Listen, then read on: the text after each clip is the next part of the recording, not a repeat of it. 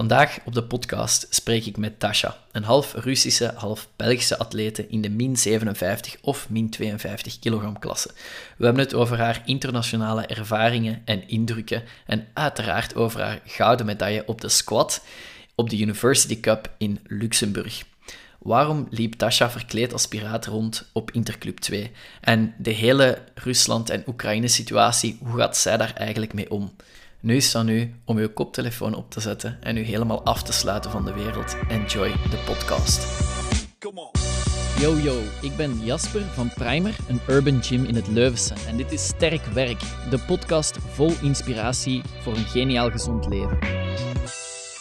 Alright, Dasha, welcome to the podcast. Uh, merci voor uw tijd te nemen. Ja, ik denk uh, voor de powerlifting-wereld moeten we u eigenlijk niet meer echt introduceren.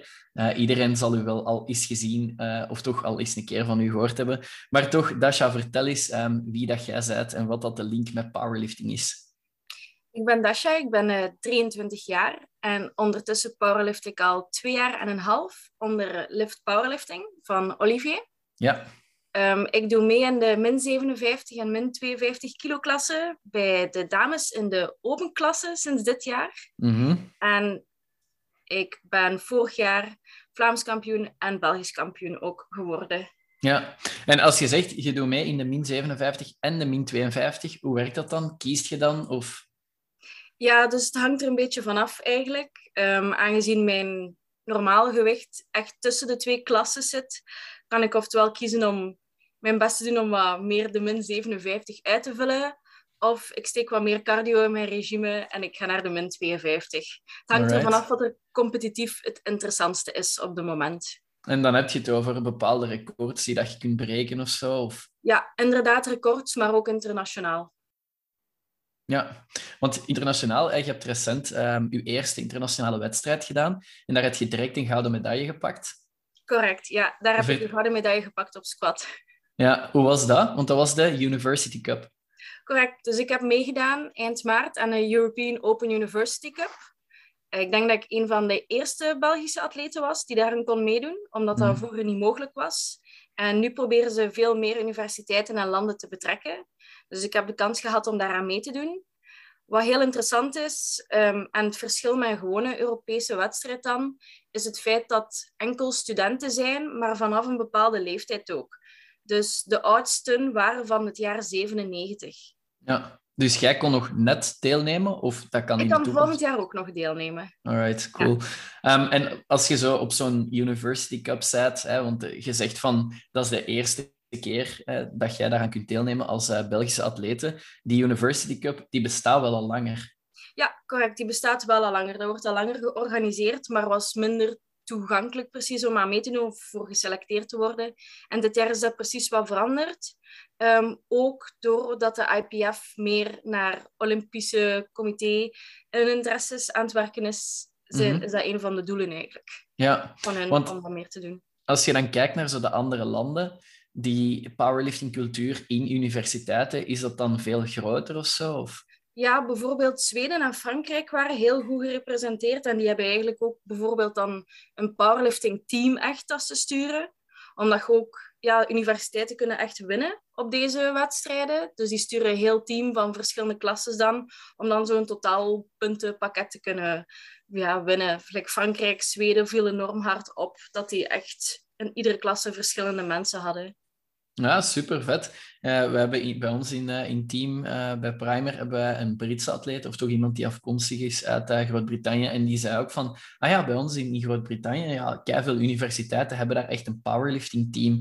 Dat ja. is hier in België nog niet echt. Um, is dat iets wat dat je denkt van, ah, dat zou toch wel interessant zijn om hier in België ook te hebben? Ja, ik denk dat dat zeer interessant zou zijn. En veel atleten studeren dan uiteindelijk nog. Mm -hmm. Sommigen zelf vaak aan dezelfde UNIF um, of hogeschool. En dan kan dat echt wel iets interessants worden, maar ook om powerliften meer naar buiten te brengen. En gelijk iets toegankelijker voor zo mensen om naar te kijken of naartoe te gaan. Dat het echt via school is, dat je de mogelijkheid hebt om via school te trainen. Zou ook al iets heel mooi zijn. Gelijk KU Leuven heeft een eigen fitness met een eigen platen ook, bijvoorbeeld. Ja, Eh, ja, dat is iets, dat is iets, ja, dat is een droom. ja. ja, en je ziet inderdaad voor zo universiteiten, die hebben vaak wel zo een rugbyclub of een, of een gymnastiekclub of een, een voetbalteam of zo. Ja. Terwijl ja, powerlifting allee, of krachtsport, dat is iets wat dat zo veel mensen doen, zelfs mensen die een andere sport doen. Ik denk dat dat heel interessant zou zijn om verschillende universiteiten voor zo echt in te zetten op zoiets als een powerlifting team. Ja, klopt. Alright. Ehm, als je kijkt naar de internationale ervaring, smaakt dat naar meer? Zeker. Ik dacht dat het een goede opstap was voor ehm, het Europees kampioenschap op het einde van dit jaar. Mhm. Omdat ik dat niet als eerste ervaring wou nemen. En eigenlijk gewoon al eens op mijn gemak wou proeven hoe dat die wedstrijden ook in elkaar zitten. Want op een interclub kom je toe en je hebt je weging. En het is eigenlijk allemaal gemakkelijk vandaar in orde en je start met je opwarming. En daar was het echt veel meer werk, omdat ja, je materiaal moet gecontroleerd worden. Er zijn heel veel consentforms die moeten ingevuld worden voor de dopingtesten.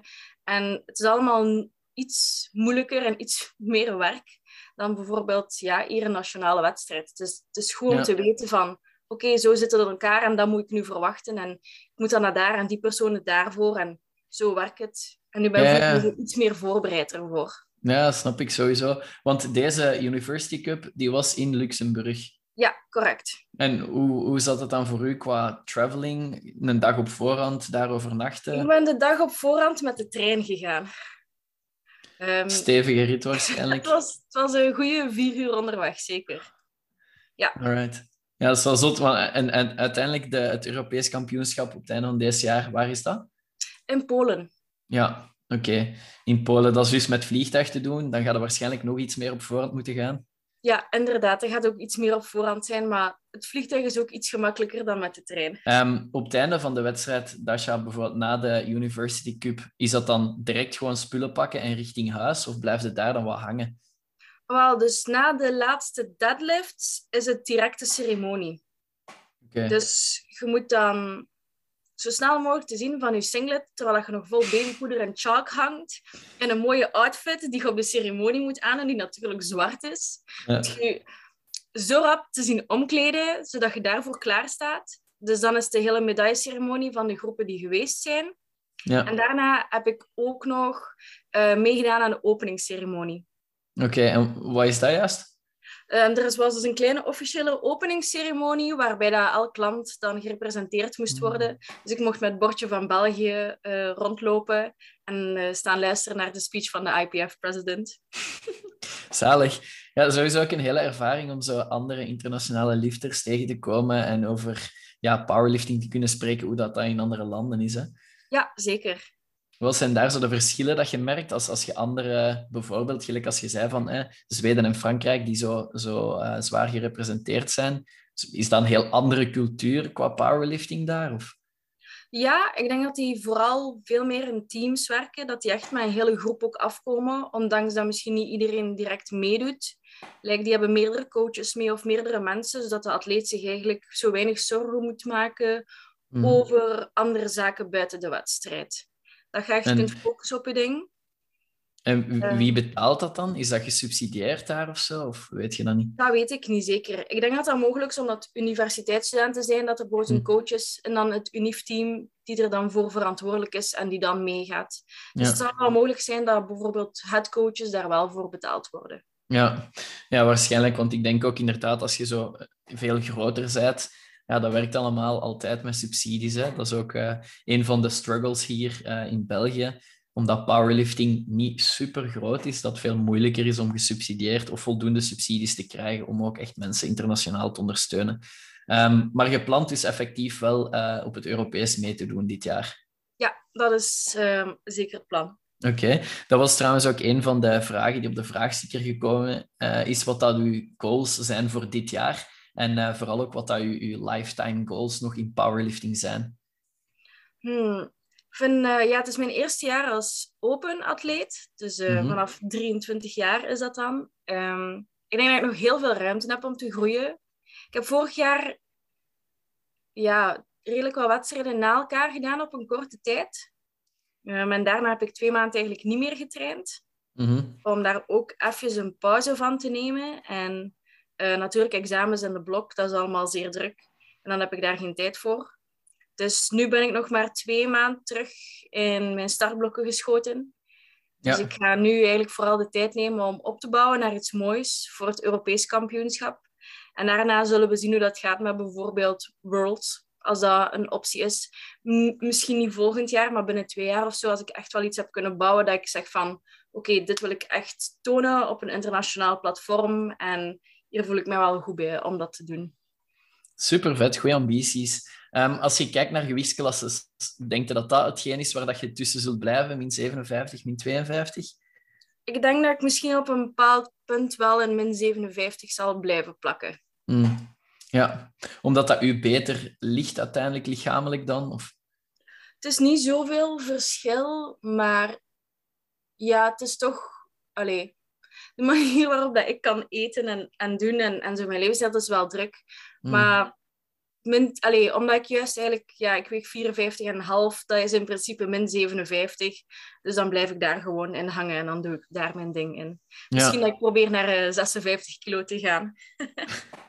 ja, maar dus niet echt de ambities om nog hoger in gewicht te gaan als in de um, Nee, het zal een uitdaging zijn om meer dan 58 kilo te wegen. Dat is, dat is al een uitdaging voor mij. Dus het zal min 57 worden. Want, hoe groot zei jij, Dasha? Ik ben een meter 62. Ja, oké.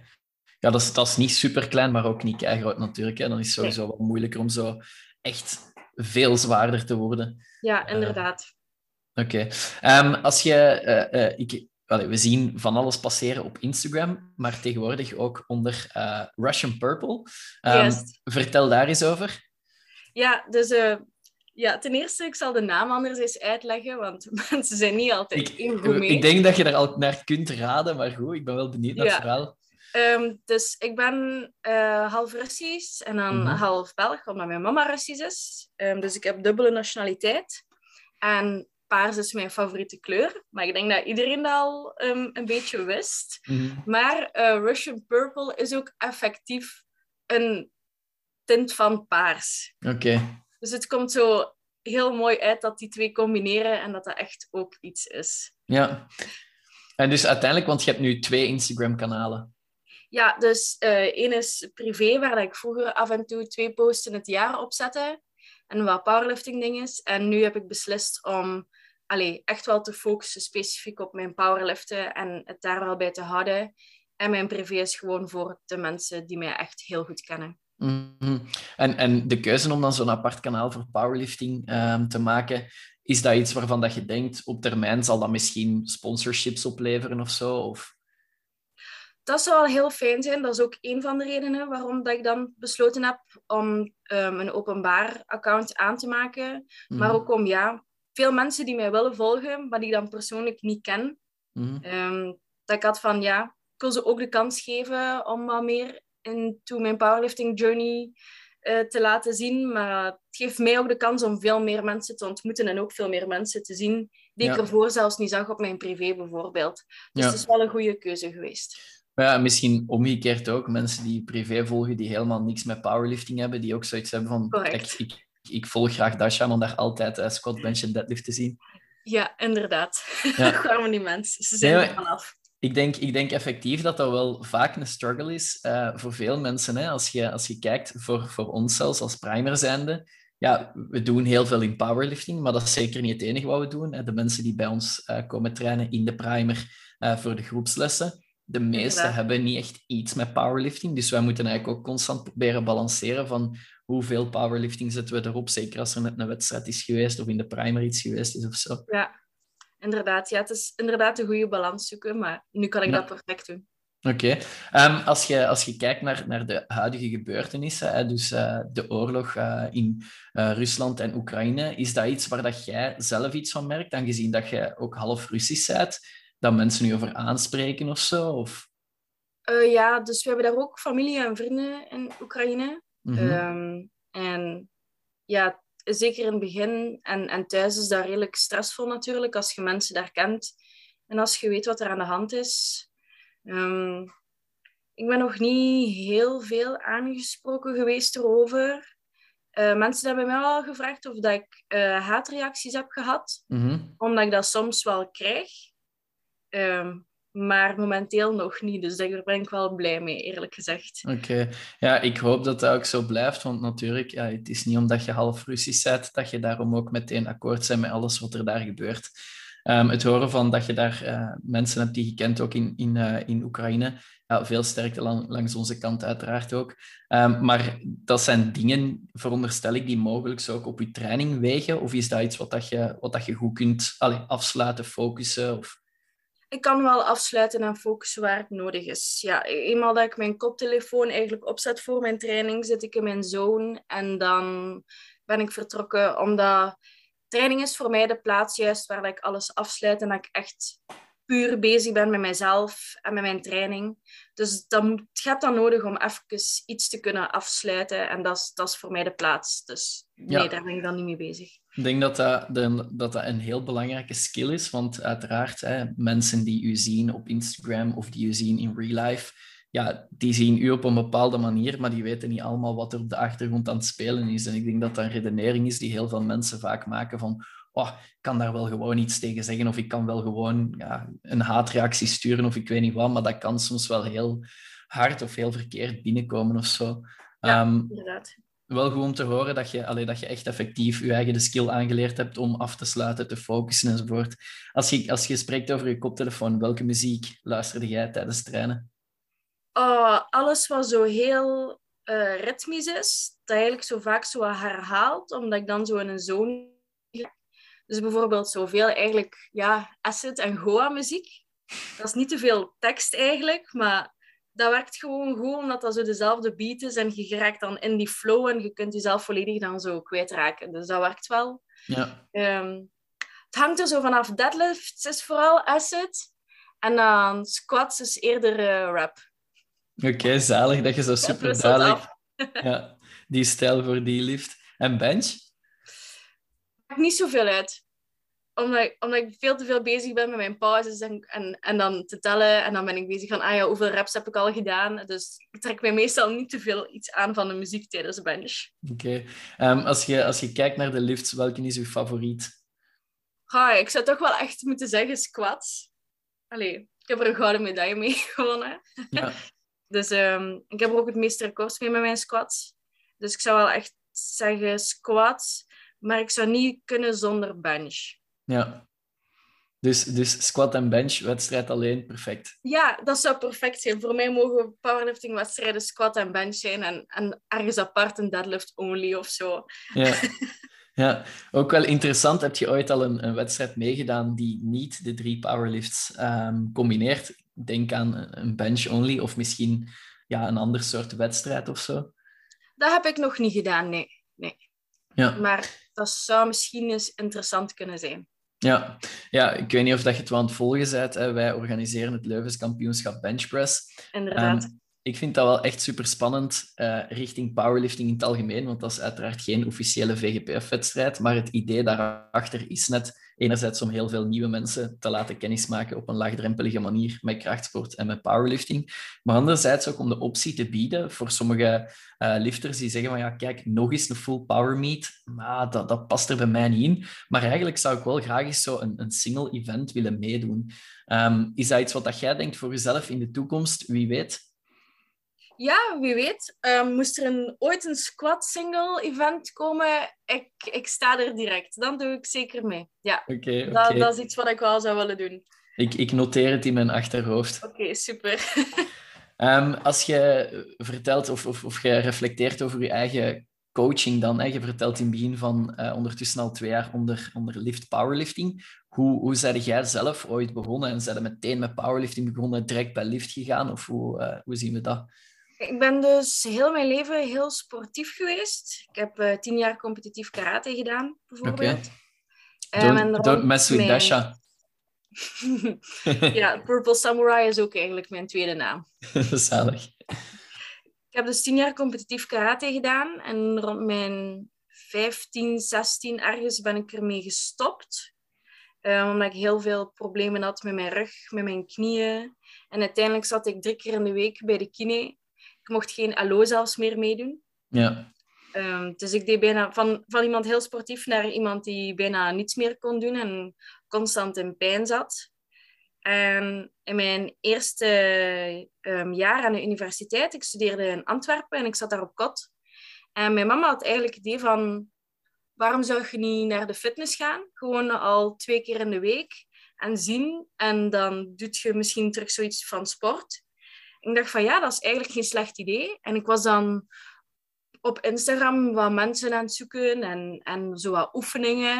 En uiteindelijk dacht ik van, oké, dat ziet er nog leuk uit. En dat, is wel, dat ziet er ja, interessant uit om te doen. Dus ik dacht van, oké, ik ga er gewoon voor gaan. Ik ga dat proberen. Wie weet staat mij dat aan. Mhm. En dan op het gemak zo één keer in de week, twee keer in de week en uittesten en zien. En uiteindelijk zat ik op het punt dat ik vier keer in de week naar de fitness ging en, en wat een schema voor mezelf had uitgebouwd. En ik vond het eigenlijk echt heel leuk. Zalig. Ook, ook, om te horen, ook om te horen dat, dat, dat de push eigenlijk van je ouders komt, want vaak is dat niet het geval. Hè?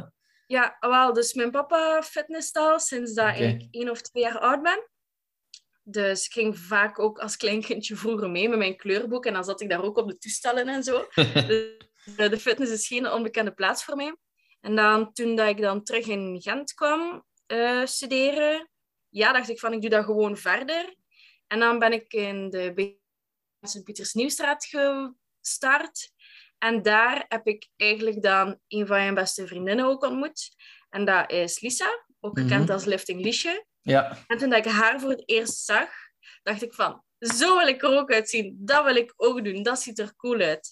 En zij was eigenlijk ja, niet zoveel later begonnen, ook onder lift, powerlifting. En ik zag die constant zo progressie maken en echt ervoor gaan en zotte dingen doen. En dan ben ik mezelf ook beginnen leren deadliften. En ben ik mezelf beginnen leren benchen, omdat ik dat ook allemaal wou doen. En dan eh, eind 2019 heb ik de stap gezet naar lift powerlifting. Hmm. Oké, en dus eh, via Lisa, want Lisa was toen al aan het powerliften. Ja. Ja, en wat is dan het moment dat je zo begint te beseffen van, ja, eigenlijk kan ik deze precies wel goed? Of, of komt dat meer van de coach uit? als je omgeving zo begint van, ja, eigenlijk zit je wel echt sterk. Dat zou echt nog iets voor u kunnen zijn. En ook, ja, er is competitie in. En als je heel je leven competitiesport hebt gedaan mm. en je hoort het woord competitie, dan, dan wordt er iets wakker in u. En dat is van, oké, ik ben eigenlijk wel goed. Dit zou nog iets interessants kunnen worden. En het is weer een nieuwe uitdaging.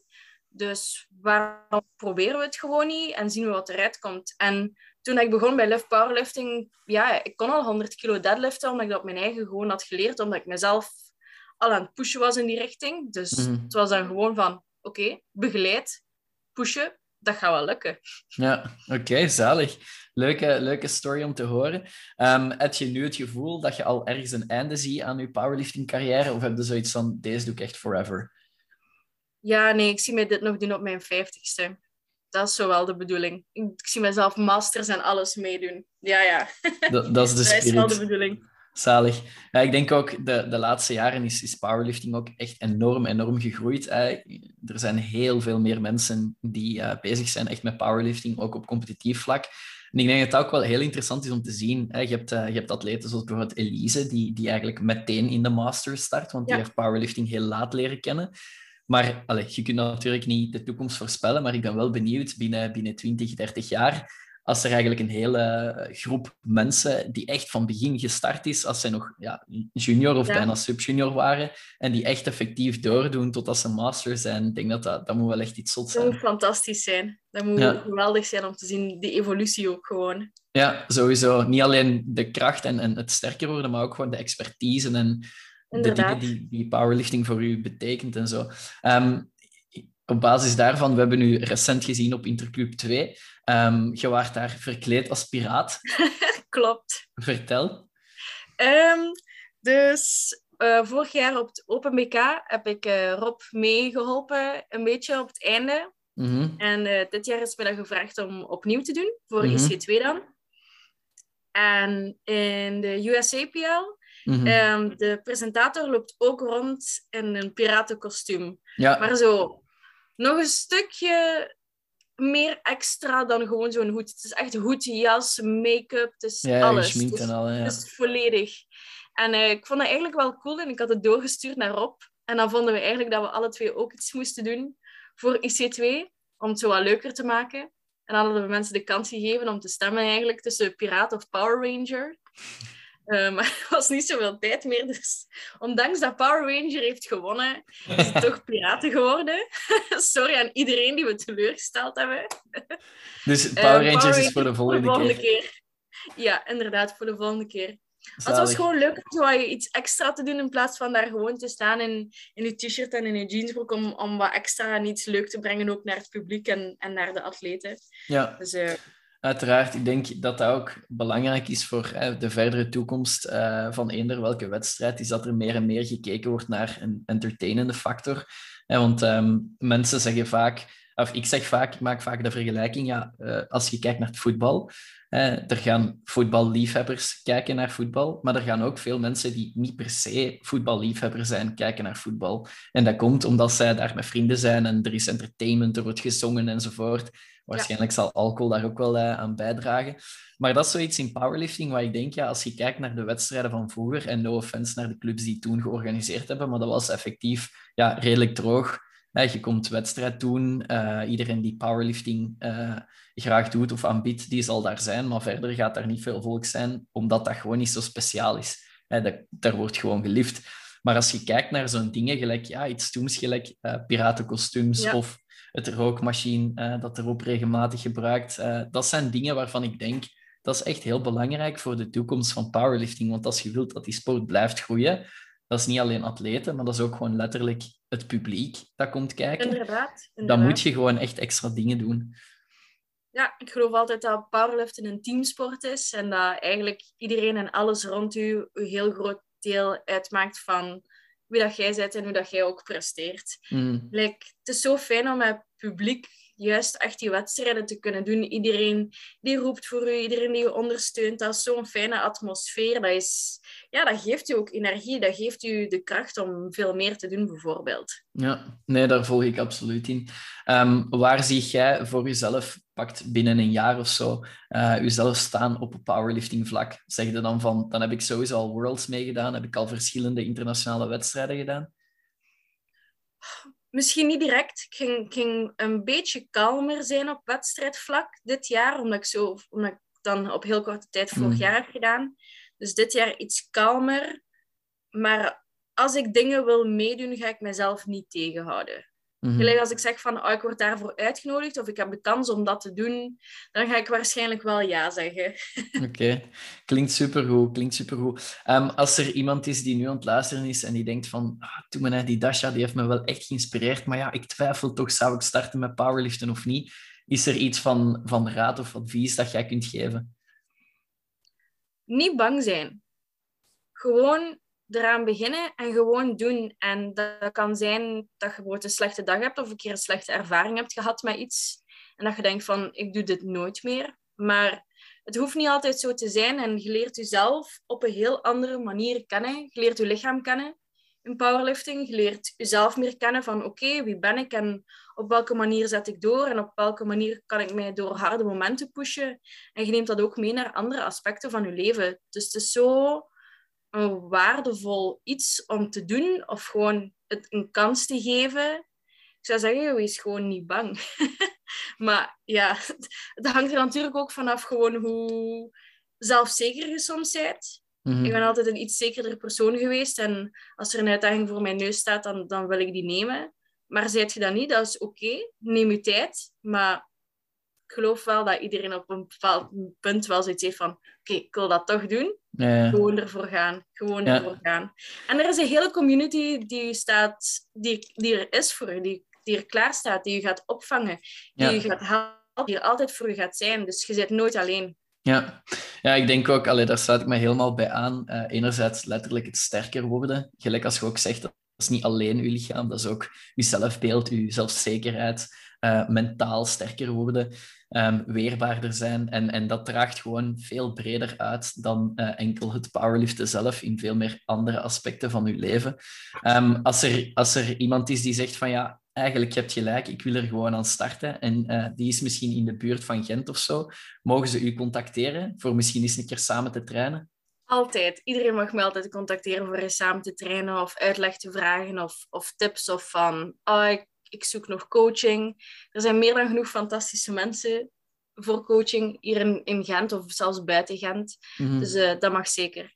Oké, en dat is dan at Russian Purple op Instagram. Dat is at Russian Purple op Instagram. Alright. Dasha, dikke merci voor de tijd. Dikke merci voor, eh, voor alles zo eh, openlijk te vertellen. En eh, ja, we zien elkaar sowieso snel. hè. We zien elkaar nog zeer snel. Dankjewel. Come on. Merci voor het luisteren. Dit was Sterk Werk, de podcast van Primer. Als je hem goed vindt, laat dan zeker even iets weten. Je doet ons echt een geweldig plezier door te subscriben en een rating achter te laten. Dat geeft ons de nodige energie om verder te blijven knallen en zo mist jij zeker geen waardevolle info. Tot de volgende. Ciao guys!